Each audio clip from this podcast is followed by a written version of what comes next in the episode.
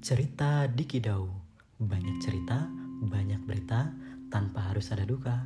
Semua tentang kamu, kamu bisa dengerin di sini.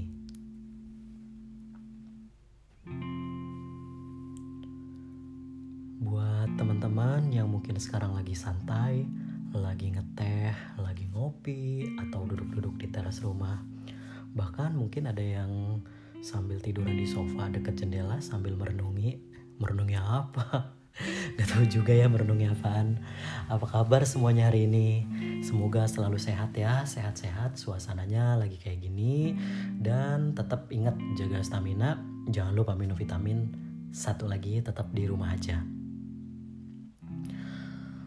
Uh, gue di sini sih mau cerita yang awalnya memang datangnya itu dari email. Cie email. Ada juga yang email ternyata akhirnya.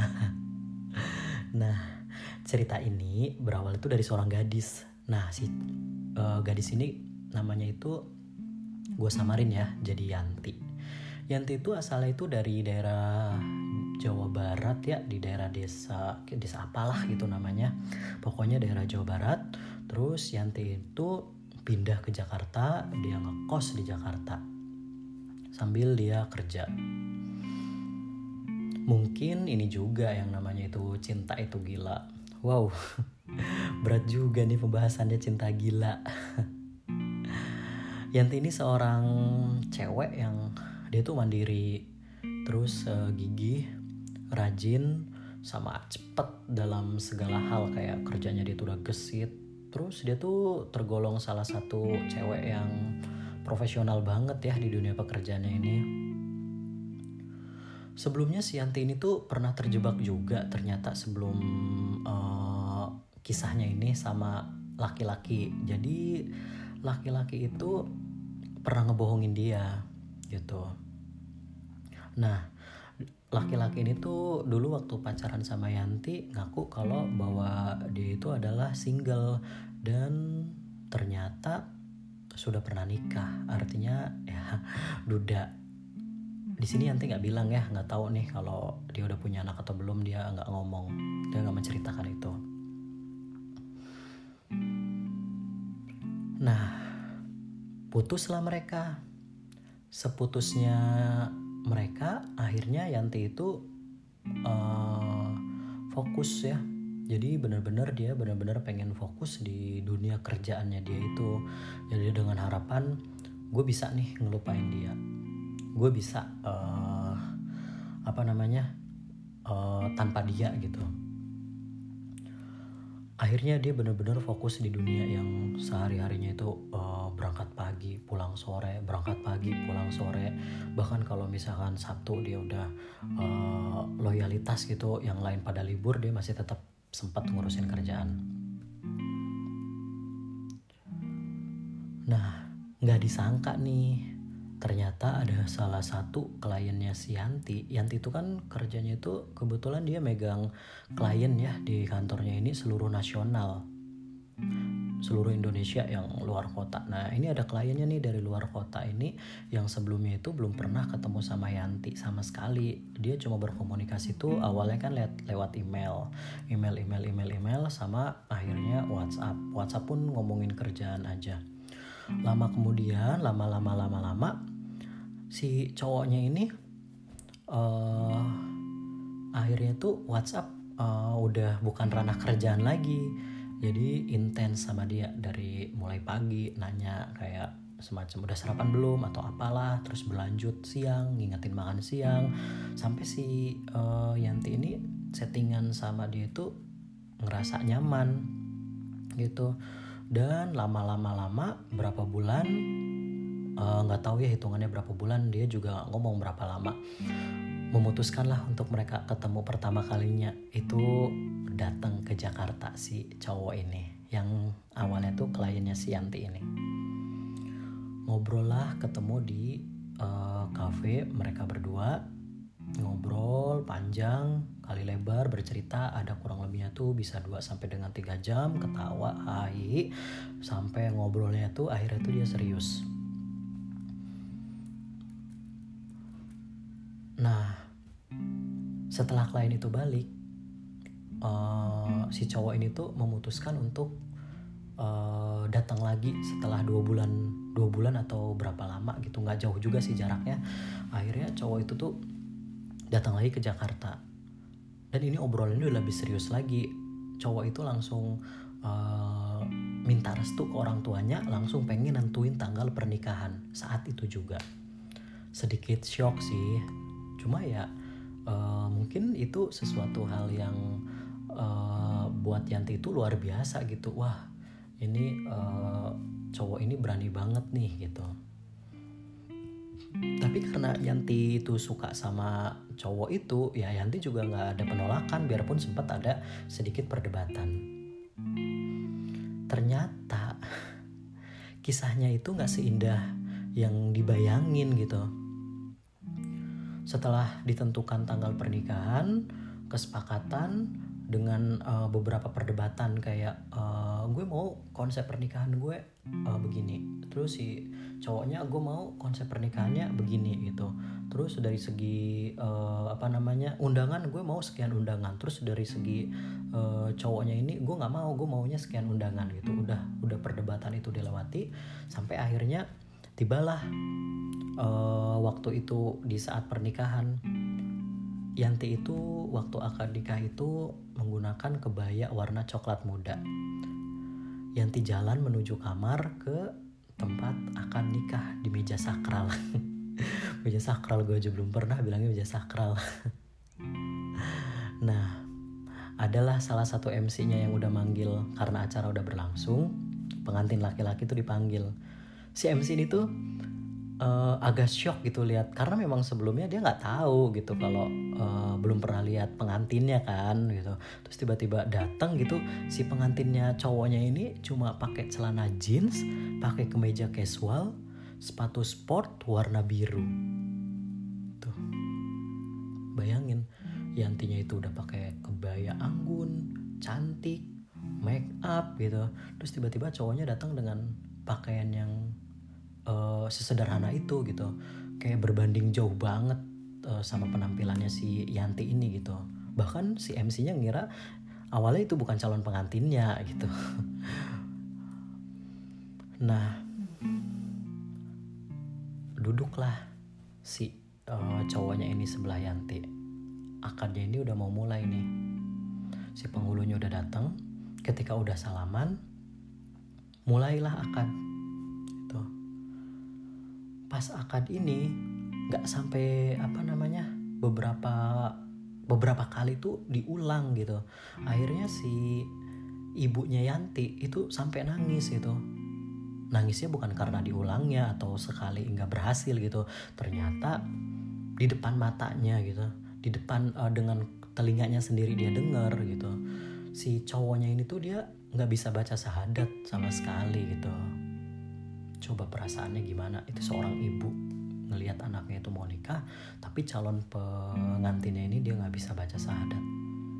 Terus ngelihat e, ibunya yang nangis kakaknya adiknya saudara saudaranya bahkan tamu itu ikutan nangis juga maksudnya karena udah berulang berkali-kali gitu. Apalagi kan tamunya ini uh, kalau akad itu biasanya kan teman-teman terdekat kalaupun ada teman gitu lebih banyak tuh eh, uh, 80% itu lebih ke keluarga ya pihak laki-laki dan pihak perempuan. Oh ya waktu itu karena memang suaminya itu dari luar kota calon suaminya ya. Jadi dia itu jauh banget dan akhirnya dia cuma datang sama adik dan nyokap sama bokapnya aja uh, bertiga ya jadinya keluarga dari pihak laki-laki. Nah di situ tuh nangis jadi pada jadi pada suasana hatinya Yanti sih udah tahu udah kacau gitu. Mungkin semua orang juga udah udah kayak udah kayak udah terbawa suasana itu gitu udah bingung gitu. Nah setelah selesainya akad akhirnya sah juga nih Yanti. Setelah diulang baru ketiga kalinya dia sah. Mereka udah resmi jadi suami istri. Yanti udah ngerasa lega saat itu udah. Oh ya bersyukur pernikahan gue udah udah sah nih udah kelar gitu. Uh, akhirnya tinggal nunggu siang nanti akan ada resepsi di jam 2 akad nikah itu kelar kayaknya tuh jam 11 ya uh, gitu. Terus jam sebelasan pada makan lah setelah akad dari keluarga pihak laki-laki pihak perempuan. Nah sedangkan Yanti itu cuman uh, makan kue sedikit terus langsung balik ke kamar gitu. Karena dia mau persiapan make up ganti baju untuk acara resepsinya dia nanti. Nah mulai nih jam satu atau jam 2 sih nih. Biasa resepsi dia bilang sih Yanti tuh kurang lebihnya itu jaraknya itu nggak jauh. Soalnya dia cuma bilang tiga jam kemudian ya. Berarti kan artinya kalau akad nikah selesai jam 11 satu dua tiga ya berarti jam satuan ya. Jam satuan itu akad nikah itu dimulai. Tuh. Yanti keluar dari kamar pakai gaun di uh, dampingin keluarganya ya sama keluarga laki-laki dan keluarga perempuan itu tamu undangan yang baru datang itu uh, kayak terpesona gitu loh ya Tianti. Wow wow cantik banget itu namanya. Si Yanti ini ternyata dia itu kalau kesehariannya itu ke kantor ini dia tuh nggak pernah make up gitu. Ya make up sih tapi uh, pakai bedak tipis-tipis aja dan langsung pakai lipstick yang warnanya juga nude paling atau enggak yang soft. Dia nggak suka warna-warna yang ngejreng yang medok gitu. Dia tuh nggak suka gitu. Dan pada saat akad ini uh, make upnya sih nggak medok waktu akad itu dia itu bilang flawless ya gitu. Tapi rata-rata itu kayak orang-orang tuh terpesona gitu lihat dia wih ini beneran nih Yanti gitu. Ini beneran Yanti bukan sih gitu. Pangling banget ya. Karena memang bajunya udah udah bagus gitu kan terus uh, dekorasinya udah cakep udah keren private party gitu kan. Wih itu udah udah nggak kebayang deh suasananya udah uh, kayak gimana gitu jalan lah Yanti udah jalan udah nyampe. Dia duduk tuh di pelaminan di berarti kan ada ada keluarga laki-laki ada dia sama uh, keluarganya Yanti gitu. Ternyata Yanti ini di pelaminan ini tuh baru duduk dia sambil megangin handphone aja gitu. Dia memang tamu tuh belum terlalu banyak ya yang datang karena memang undangnya kan sedikit tuh. Jadi dia tuh cuma duduk sambil megang handphone. Nah udah waktunya mulai si resepsi ini musik nyala lah dinyalain musik terus tamu undangan juga udah mau salaman salaman sorry deh gue minum dulu aduh capek juga ternyata ngomong mulu ya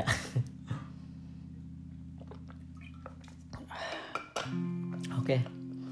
uh, eh, lanjut ya. Tadi sampai si Yanti itu udah udah megang handphone mulu ya pas resepsi. Nah, ternyata si suaminya ini itu nggak ada. Di telepon nggak bisa, di SMS nggak bisa, di WhatsApp cuma checklist aja. Gitu. Kebingungan nih si Yanti.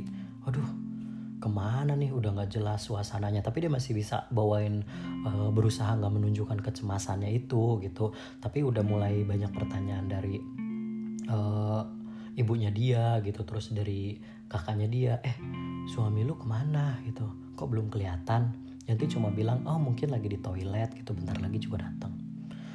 Lama-lama lama-lama udah ada tuh beberapa menit gitu udah ada mungkin 10 sampai dengan 15 menit nggak datang udah mulai cemas tuh. Tapi Yanti masih berusaha biasa aja dari pihak keluarga tuh udah firasat firasat wah ada apa nih kok tiba-tiba nggak datang? Wah ada apa nih? Ke mana nih? Kok di telepon tuh nggak bisa? Gitu.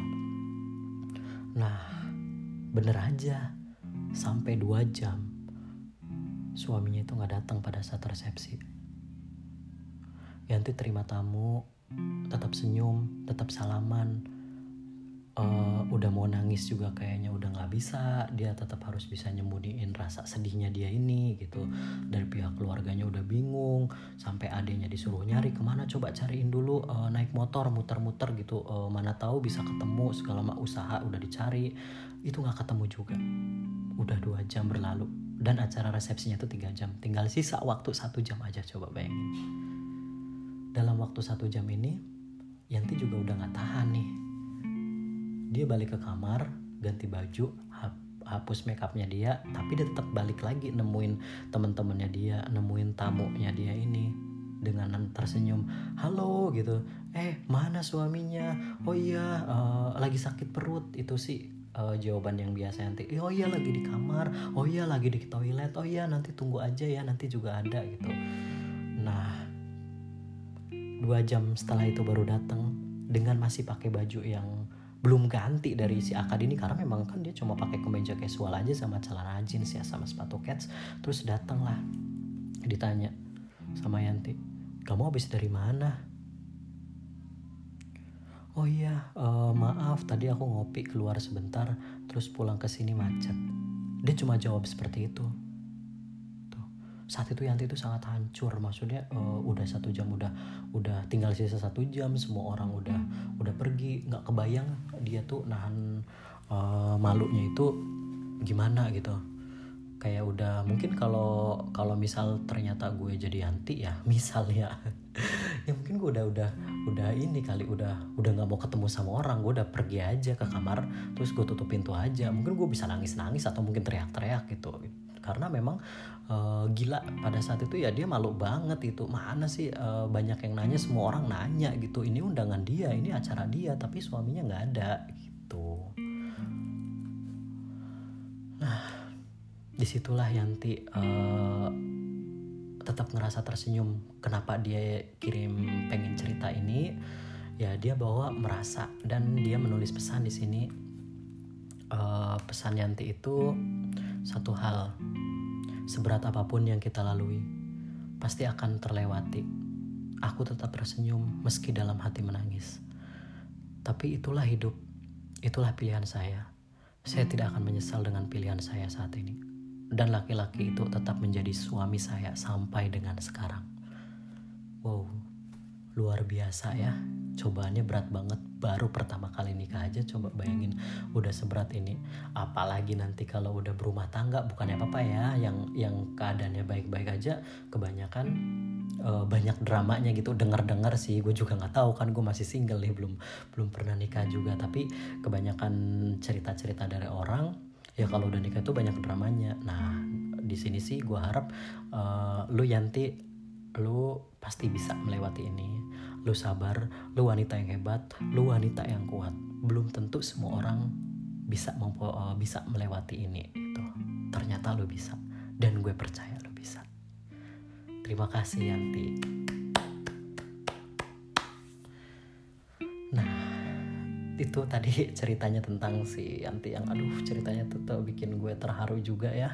Thank you Yanti. Nah, buat teman-teman yang mau uh, cerita boleh banget nanti. Dan kalau mau namanya disamarkan juga boleh. Teman-teman bisa follow uh, instagramnya di @dikidau ya. Sekali lagi @dikidau. Kalian bisa follow dan kalian bisa DM ya ditunggu cerita selanjutnya di cerita Dikidau. Sampai ketemu lagi di cerita berikutnya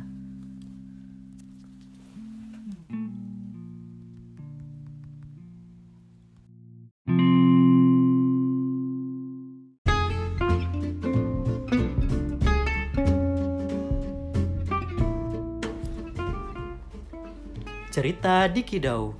Banyak cerita, banyak berita, tanpa harus ada duka. Semua tentang kamu, kamu bisa dengerin di sini. Halo, selamat malam. Balik lagi bersama gue di Kidau. Dan kali ini gue ditemenin sama temen gue yang cantik. Cantiknya tuh sangat-sangat cantik. Siapa namanya Mbak? Silahkan perkenalin dirinya. Halo, selamat malam. Uh, dengan Dina di sini. Halo pendengarnya nah, ini temen gue itu namanya Nina. Jadi dia itu salah satu uh, kerja ya di salah satu perusahaan uh-huh. swasta atau negeri lah katakanlah. Gue juga nggak yeah. tahu di mana ya. Nah, kita tuh di sini mau ngomong untuk para para teman-teman yang uh, lagi kerja mungkin nggak efektif kayak semuanya di kantor ya, karena memang kondisinya kan sekarang lagi pandemi, pandemi ya. ya. Ya salah satunya mungkin gue nih yang udah kena dampaknya. Tapi di sini ada narasumber lain nih yang ternyata kena imbasnya juga. Hmm, kalau gue mah udah nggak penting kayaknya cerita mulu ya curhat mulu. nah, gue mau dengerin nih si Mbak Nina sendiri dia tuh uh, apa namanya memang uh, work from home juga yeah, ya WFH juga ya. Juga. Nah, menurut Mbak Nina sendiri tuh kayak WFH itu menyenangkan nggak sih? So-so lah ya. Maksudnya ya asiknya iya juga, enggaknya iya juga soalnya kan kalau work from home itu gimana ya? Nggak yang kita benar-benar bisa totalitas kerja kayak kita ada di kantor yang pastinya. Karena kan keterbatasan uh, perangkat keterbatasan data dan lain sebagainya. Aja lebih banyak makan sih gue daripada kerja Iya, iya. eh ngomong-ngomong masalah makan nih ya, udah naik berapa kilo ibu? aduh kayaknya gue naik 5 kiloan. Aduh mampus gimana nih Wah ternyata mungkin teman-teman di luar sana juga sama ya kayaknya apalagi nih yang sebelah gue tuh kayak udah mulai menggendat ya.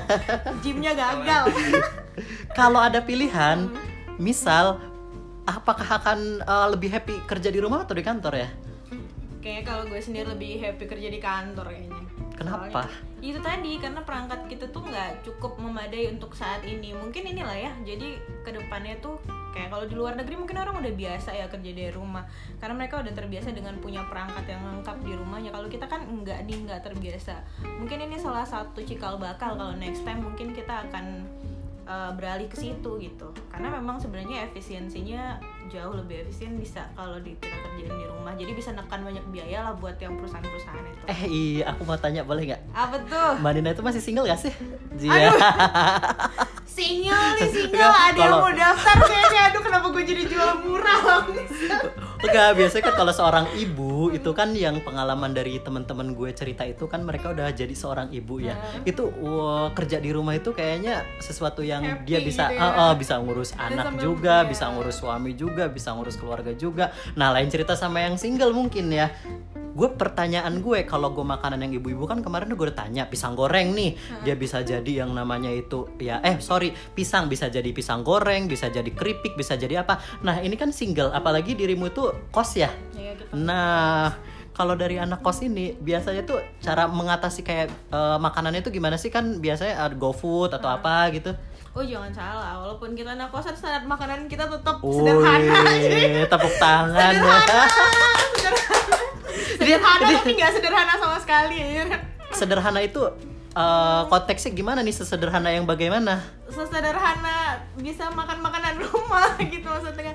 Kalau kita tuh biasanya walaupun kita nggak kos ya kita masak nih. Jadi dan apa ya makanan kita tuh apalagi kita lidah Sumatera gitu kayak gue teman-teman sama teman-teman di kosan tuh lidahnya lidah Sumatera banget jadi nggak bisa tuh kalau misalnya cuma cuma uh, mengharapkan GoFood datang dengan makanan yang ala kadarnya jadi kita masak sih makanya kita naik berat badan nih Wih, luar biasa ya. Jadi sebetulnya makanan itu bukan kendala ya bagi Bukan anak kos ya.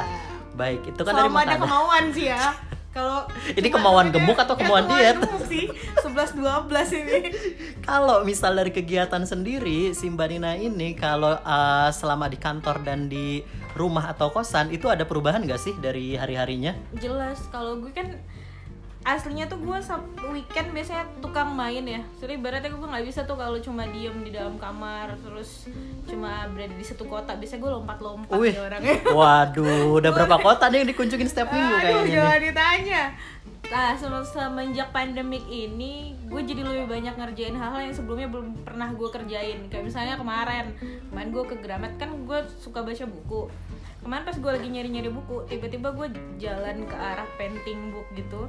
Akhirnya gue malah jadi beli set buat watercolor painting. Ta- tiga hari ini gue Wow. udah belajar menggambar cuy kayak anak TK kalau kata bang Dio gue mau ikut kejuaraan itu lomba mewarnai tingkat SD SD setempat Eh, gitu lu mau gue kasih tahu nggak ada lomba yang lebih efektif buat lo? Ya sama mewarnai, tapi mewarnai rumah tangga. Jia.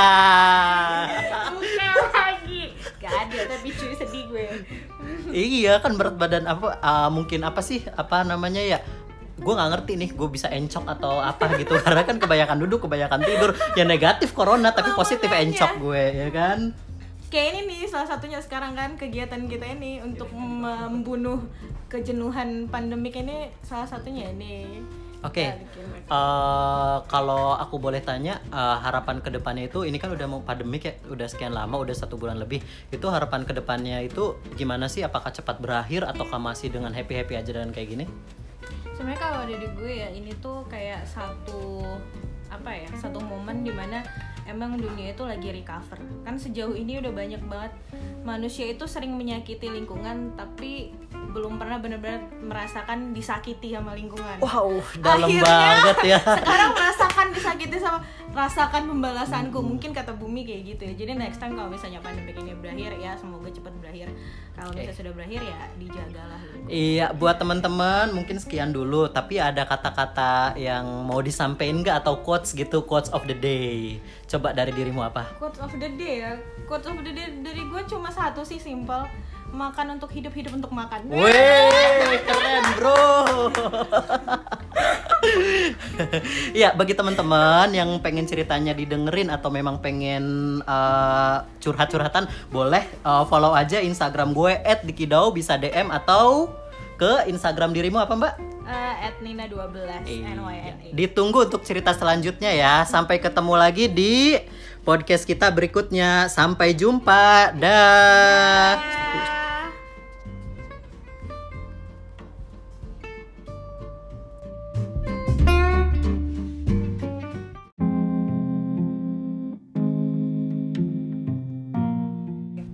Cerita di Kidau. Banyak kisah, banyak cerita, semua tentang kamu. Kamu bisa dengerin di sini.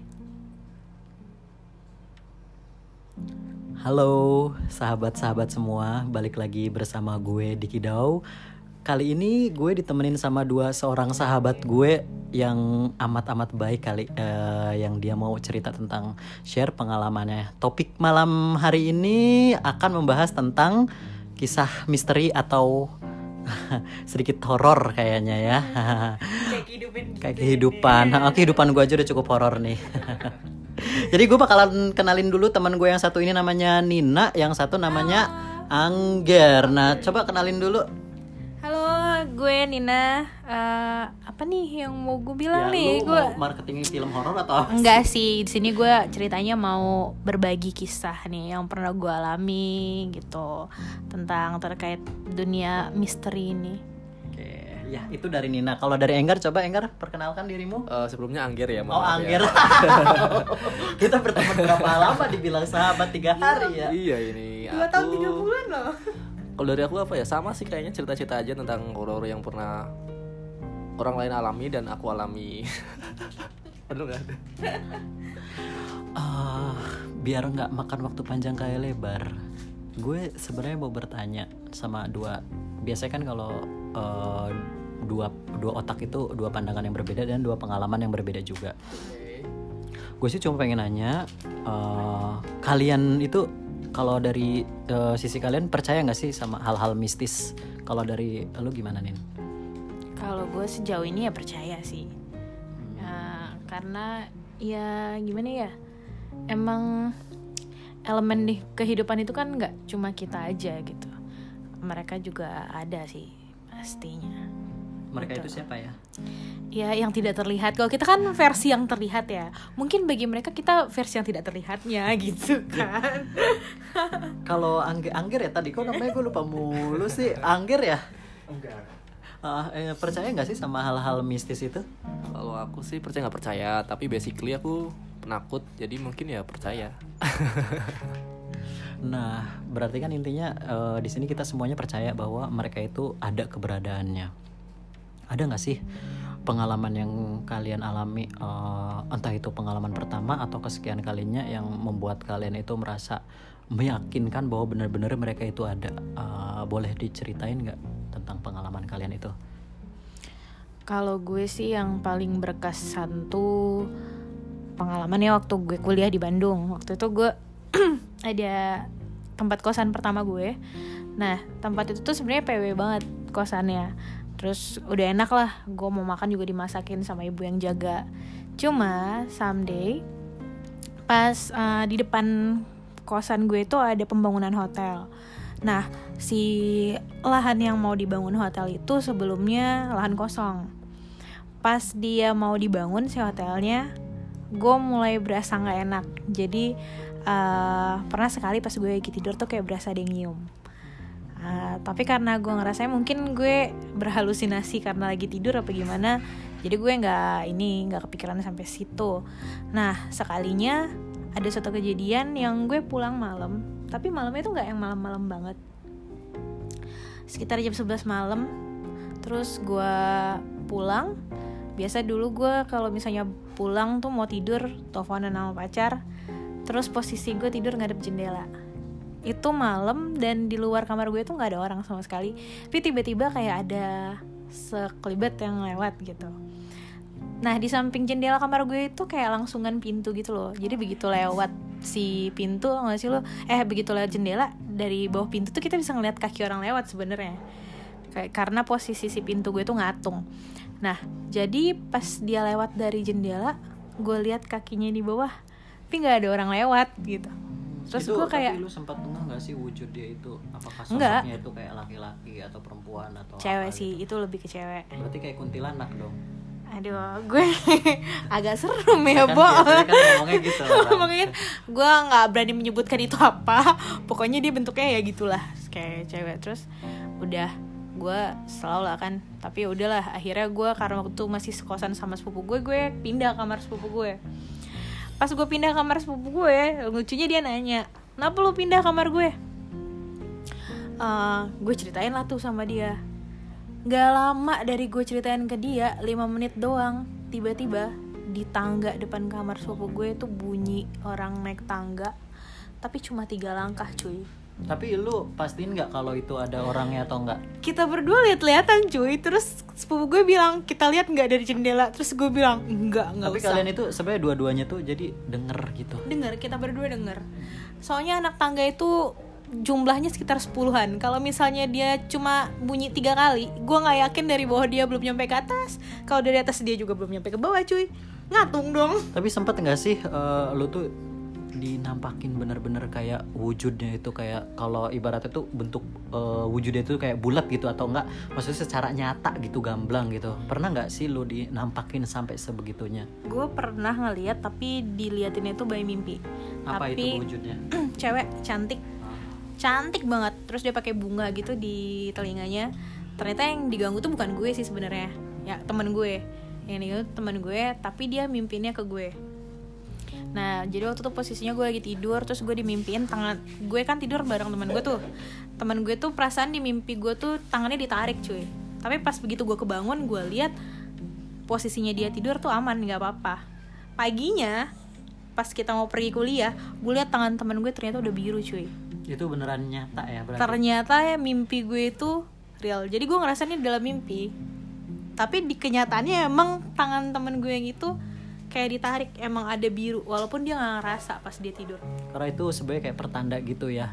Tapi kan kalau gue denger dari cerita-cerita teman gue yang lain bahwa mereka itu bentuknya itu kan nggak sempurna ya. Mungkin ada yang kupingnya panjang lah entah itu yang kepalanya bopeng lah atau mukanya tuh geradagan lah. Eh, yang pasti mimpi lu tuh eh, ap- cantik kayak cantik banget. layaknya manusia atau iya gimana kayak manusia kayak cewek rambut panjang pak cantik pakai bunga di telinganya terus dia pakai dress panjang. Gue waktu itu punya temen yang emang bisa lihat terus waktu itu dia yang mediasiin dan dia bilang emang itu cewek dari kerajaan. That's why dia secantik Eh, dan kalau misal ternyata memang itu wujudnya benar seperti itu eh, mas eh, dia nggak ini dong nggak apa namanya bukan sesosok yang menyeramkan yang nampakin ke lu. Itu sebenarnya sih enggak jadi kayak dia tuh sebenarnya suka sama teman gue. Oh gitu. Just like that sebenarnya. Cuma dia mimpinya ke gue. Dan itu pas gue ngerasanya tuh uh, gue ngerasa di dalam mimpi tuh gue bilang sama teman gue jangan lihat jangan lihat jangan lihat. Tapi teman gue tetap lihat tiba-tiba dia terbang pas di depan muka gue cuy. Untungnya dia cantik kayak dia posisinya tuh pas bener-bener di kepala gue di sini. Jaraknya cuma ya paling 2 cm tapi untungnya dia cantik. Coba kalau yang buruk wah gue udah gak ngerti dah tuh. Sakit kali gue seminggu Nah, ini kan sedikit pengalaman dari lu ya kita sharing sedikit. Kalau misalkan dari lu gimana Gar? Ada pengalaman nggak? Atau lu udah nggak kuat untuk cerita nih? Cobalah cerita sedikit sesak tentang gitu iya kok gue ngeliatin dia kayaknya udah muka eh, muka muka orang ketakutan gitu. Ceritalah sedikit apa yang membuat ekspresi muka lu kayak gini? Apa ya? Mungkin bukan dari gue sih. Mungkin waktu dulu kan aku kos di karyawan kos karyawan maksudnya. Itu campur-campur nih. Suatu ketika waktu aku pulang malam kan kosnya itu sebelum masuk gerbang ada lorong. Dari lorong itu aku udah ngerasa berat di leher. Ternyata waktu pas di lorong di ujung ada dapur. Ada di situ ada ibu-ibu yang sering masak memang sering masak. Dia bilang mas kok temennya cantik? Sementara aku pulang sendirian. Terus ke setiap hampir setiap subuh ibu itu masak. Gue jadi merinding. Soalnya ini deket dapur. Maaf maaf aja. Terus terus terus hampir setiap subuh dia tuh masak. Dan anehnya anehnya setiap dia masak kadang dia teriak-teriak nih. Terus kadang dia kayak orang ngobrol. Tapi pikir dia punya gangguan mental, atau gimana? Ada, eh, ada kekurangan lah ya. Heeh, tapi secara aku psikis. setelah selidiki kok dia kerja di perusahaan yang bonafit gitu. Mungkin kalau kerja di situ kan aku pikirnya nggak mungkin kan gangguan mental bisa kerja di situ. Suatu ketika aku tanya bu ngobrol sama siapa? Nggak mau jawab. Semenjak aku tanya-tanya sama ibu itu suatu ketika pas malam aku tidur pakai selimut masih belum tidur sih masih kayak tidur tidur ayam gitu. Tiba-tiba selimutnya kayak ada yang narik tuh seret dan jatuh ke lantai. Kok cerita lu kayak film horor ya iya kan biasanya kalau film horor mau tidur mau tutup kepala atau tuh selimutnya ketarik gitu. Gue pikir kejadian cuma di film doang. ya. iya lebih dramatis ini si horornya kayak demen demen apa tip gue nggak tahu film yang nyontek di lu apa lu yang nyontek film nih. Kayak gitu sih. Terus, terus gimana? Lanjut. Paling gitu-gitu doang sih ceritanya. Tapi ada ada sewujudnya kelihatan nggak sih? Gitu. Eh, alhamdulillah aku syukur banget nggak bisa ngeliat. Eh, nggak pernah diliatin sama sekali Eh, gitu. Jangan Jangan. sampai jangan sampai jangan sampai. Bukan sih, tapi kalau gue bertanya nih ada nggak keinginan pengen ngelihat mereka? Eh, makasih aja sih. Enggak. Kalau seandainya lu punya uh, kesempatan untuk mereka memperlihatkan wujudnya ke lu apa yang mau lu lakuin? Eh yang penting mereka ngelihatnya yang layak-layak aja untuk dilihat. Ada ya. aduh itu berat kayaknya ya sebenarnya dari cerita teman-teman gue itu kan kebetulan kalian berdua tuh awam ya bukan maksudnya bukan sesuatu yang uh, memang kalian bisa melihat sesuatu. Ini hanya pengalaman yang seseorang yang awam aja. Tapi dari orang awam ini kalian pernah nggak eh, suatu ketika kalian itu mencoba berinteraksi sama mereka? Atau kalian mengetes keberadaan mereka? Bener nggak sih kalau mereka itu ada gitu? Kalau gue dulu pernah nyoba karena tadi ya gue udah cerita kalau gue punya teman kuliah gue yang emang dia bisa dan dia bisa ngobatin. Jadi waktu itu kita kalau di Bandung tuh istilahnya sering ikut-ikut jurit malam cuy. Jadi waktu itu kita bikin uh, bareng-bareng sama teman gue ramean sih. Kita tuh bersepuluh kalau nggak salah. Kita ke Gua Belanda yang ada di Dago Pakar di Bandung. pak tahu sih gue tempatnya. Kita datang di sekitar jam 12 malam, hampir jam setengah satuan. Terus eh, kita masuk ke dalam gua Belanda. Jadi gua Belanda itu kalau malam otomatis nggak ada yang jaga ya. Jadi masuk kayak masuk aja. Sebenarnya dia di portal, cuma ya udah masuk masuk aja. gitu. nekat ya Kayak modal nekat gitu masuk. Terus gue sih sebenarnya takut tapi ya udah karena ramean ya udah nggak apa-apa gitu kan pas udah di dalam gue punya teman teman gue tuh artis FTV lah anaknya emang agak-agak ya begitulah Cewek gitu cowok? cowok agak petentang penteng terus pas masuk ke dalam kita udah diingetin sih sama temen yang satu. Terus tiba-tiba dia lagi nyalain rokok baru nyalain banget. Tiba-tiba rokoknya jatuh dianya nunduk berubah jadi jadi harimau cuy soalnya langsung ngaum Eh, tunggu deh, itu kan tadi kan ada yang diingetin. Maksudnya ingetin tuh dengan kata-kata dia yang kasar atau jangan Ya, apa gitu. jangan nantangin lah Oh, jangan nantangin. jangan nantangin ya Nah, yang dia itu tiba si rokoknya ini jatuh, terus dia itu kan kayak berubah jadi harimau langsung menggaum gitu. Tapi eh, artinya kesurupan gitu. kayak iya kayak kesurupan jadi kan kalau di Gol Belanda itu ada satu kata yang nggak boleh disebutin mungkin Gue kita tahu sih katanya kita itu. kita nggak tahu apakah dia menyebut apakah dia menyebutkan itu atau enggak di situ kan kita nggak tahu ya. Jadi Kalau perkenceng sih tadi katanya apa? Coba apa ulangi? aduh takut ada yang kesurupan nih. Ya itulah waktu itu. Terus yang kedua gue kedua kali gue ke situ malam-malam gue nggak ikut masuk. Gue nunggu di mobil berdua sama cowok gue waktu itu.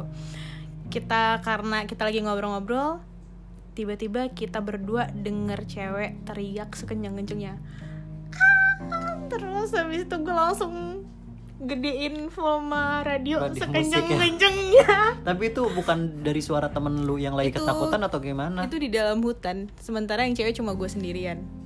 Sisanya cowok semua. Yaitu ya gitu. Jadi kita di depan pintu gua Belanda itu gue sama cowok gue di dalam mobil nah teman-teman yang lain masuk ke dalam gua. Jadi itu posisinya gue ngedengarnya dari luar gua. Nah itu suara cewek. Dan ceweknya di situ cuma gue sendiri.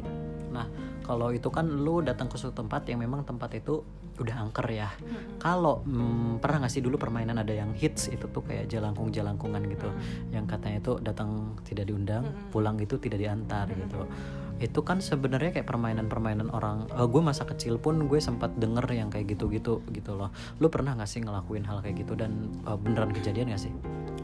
gue nggak pernah sih nyoba yang kayak gitu maksudnya yang nggak gue juga nggak terlalu yang gimana gimana yang main-mainan gitu cuma gue pernah lihat dulu waktu gue SD itu kakak gue kan SMA ya dia main gitu kayak gitu di samping rumah gue ada lapangan basket jadi dia main di situ sama teman-temannya Da- dengan pensil ada kan ya yang nanti pensilnya bisa keangkat gitu kan Iya, iya. Ha-ha. dia main gituan dan gue lihat dari jendela itu pensil emang keangkat cuy Serius, lu? tapi Wow. kata mereka si pensil itu jadi bangunan sekolahnya dia tuh ja- ba- bekas jam apa bangunan Belanda. Nah itu pensil dapetnya dari ruangan mana gitu. Jadi itu pensil ada yang punya. Tapi gue nggak tahu sih ya. Soalnya yang kelihatan di mata gue ya gitu gitu kayak main di kertas terus pakai pensil gitu. Kayak gitu. Aduh, Neng pengalamannya serem juga ya Neng. nah kalau dari dirimu sendiri ada ada sesuatu yang apa namanya? Kalau tadi kan gue bertanya mencoba keberadaannya ya. Nah dengan pertanyaan yang sama, lu ada nyoba sesuatu nggak? Kalau nyoba sih enggak, tapi kalau misalnya bikin gara-gara ada. Apa tuh? Coba ceritain. Kok bikin gara-gara? Gue Jadi Dulu, eh, juga ya bikin gara-gara. Flashback ya ngomong-ngomong soal kesurupan. Jadi kan dulu pas SMA itu kan ada panitia yang kemah-kemah pramuka gitu loh. Hmm, ya. Nah, aku salah satu jadi, eh, jadi panitianya. Waktu itu mau acara api unggun. Sebelum acara api unggun, sorenya ada dua anak cewek tanya mau buang sampah. Seharusnya kalau misalnya kegiatan kepramukaan kayak gitu kan buang sampah di depan lapangannya biar warga-warga sekitar bisa bersihin kalau ada yang berguna buat warganya. Itu aku pikir cuma dua anak itu tadi yang buang-buang sampah. Aku pikir gitu aku suruh mereka buang di pojokan pojok yang ada pohon beringinnya aku suruh buang di situ nantinya biar aku yang buang ke depan tapi salahnya aku aku lupa. Nggak buang sampah-sampah itu sampai malam sebelum api unggun. Dan ternyata nggak cuma dua orang itu yang buang teman-temannya juga buang di situ semua. Akhirnya kejadiannya gimana? pas malam api unggun itu rada gerimis. Jadi rada dipending dulu acaranya. Masuk ke tenda-tenda semua. Dari tenda paling ujung ke ujung mayoritas yang cewek-cewek pada teriak-teriak dan matanya tuh nggak ada nggak ada kelihatan tapi hitam- hitam-hitam di mata. Berarti putih semua. nggak cuman satu orang dong yang kena. iya banyak banget. Akhirnya solusinya gimana tuh? solusinya mengundang itu loh kayak orang-orang pintar situ ustadz semua diundang semua. Dan mayoritas dari jawaban-jawaban mereka mereka yang kesurupan itu nggak terima tempatnya dibuang itu dibuangin sampah mengotori tempat itulah. Dan sampai sekarang belum berani bilang sih ke pihak sekolah acara kesurupan masal itu gara-gara mungkin gara-gara gue Takut lo ya berarti ya. Biang kerok Aldo, biang kerok ini. Kalau dari gue nih, gue sebenarnya mau share sedikit tapi kok mungkin jangan di podcast ini ya bagi kalian mungkin akan terlalu serem ya. karena bagi gue juga kayaknya ini serem banget sih kejadiannya pun belum begitu lama mungkin di podcast yang selanjutnya aja kalau gue lagi sendirian cerita ya terus ada pertanyaan terakhir nggak tadi Yang mana tuh? Mm-mm. ada nggak ada yang mau disampaikan ada Oh. ada buat sekolah yang tadi aku ceritain saya sendiri meminta maaf yang sebesar besarnya mengacaukan acara tersebut permintaan maafnya lewat sini ya. Eh, kalau dari dirimu ada yang mau disampaikan nggak? Kalau gue gimana ya? Ya kalau dari gue sih mereka itu ada. Jadi cuma jangan sampai energi negatif mereka masuk ke kita ketika kita juga ikutan takut. Ketika kita ikutan takut, pasti energi kita akan jauh lebih banyak diambil sama mereka sehingga akhirnya malah memang terlihat gitu. Karena mereka ngambil energi kita sih yang positif. Dan kalau dari gue, mereka itu pasti ada. Kita saling menghargai, saling menghormati, biarpun mereka tak terlihat, tapi kita percaya bahwa mereka itu ada dan jarak mereka itu dekat sama kita. Intinya, kita jangan pernah mengusik mereka dan mereka jangan sampai mengusik kita. Itu aja sih. Jadi benar-benar kita eh, saling menjaga aja, saling menghormati aja gitu. Kalaupun memang ada mitos, eh, jangan pernah berkata ini ya sebisa mungkin kita taatin aja toh nggak ada salahnya kan itu kalau memang demi kebaikan kita itu aja sih sampai ketemu di cerita cerita di Kidau selanjutnya ya ayo dah